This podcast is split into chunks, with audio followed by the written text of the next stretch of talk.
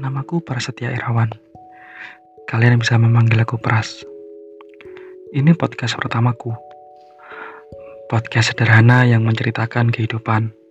Sebuah kisah-kisah sederhana syarat makna. Bagian-bagian lain dari suara bumi. Manifestasi ruh-ruh manusia. Apa pun itu, sastra, kata, atau bicara. Seduhan kopi mengais ceceran kata, belum usai tersapu, ku pungut satu persatu dan kurangkai seindah dirimu. Dirimu? Hahaha, ya. Entah bagaimana haru dan nafasku tersulut emosi. Emosi yang tak sekadar emosi, lebih luas dari itu. Pikiranku hanyalah seorang pemuda, memiliki cita-cita sederhana, berasal dari lingkungan yang sederhana, namun berusaha tumbuh kembang tanpa kata sederhana. Tiap kali ku bersandar di asap ceropong kebisingan, buram. Ya, seperti itulah. Evolusi pikiran lebih tajam dari sekadar kematian.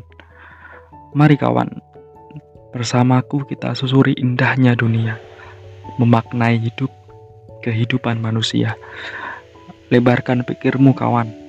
Jerat penjara hanya sebatas pola. Naluri, fantasi, pikiran jauh lebih luar biasa. Manusia memiliki peran dan lakunya masing-masing. Jangan kita sangkal, namun kita kagumi kebinekaannya yang terjadi di dalamnya dengan merangsang pembaruan-pembaruan yang lebih daripada itu. Suara bumi ada untuk merespon betapa meganya kehidupan.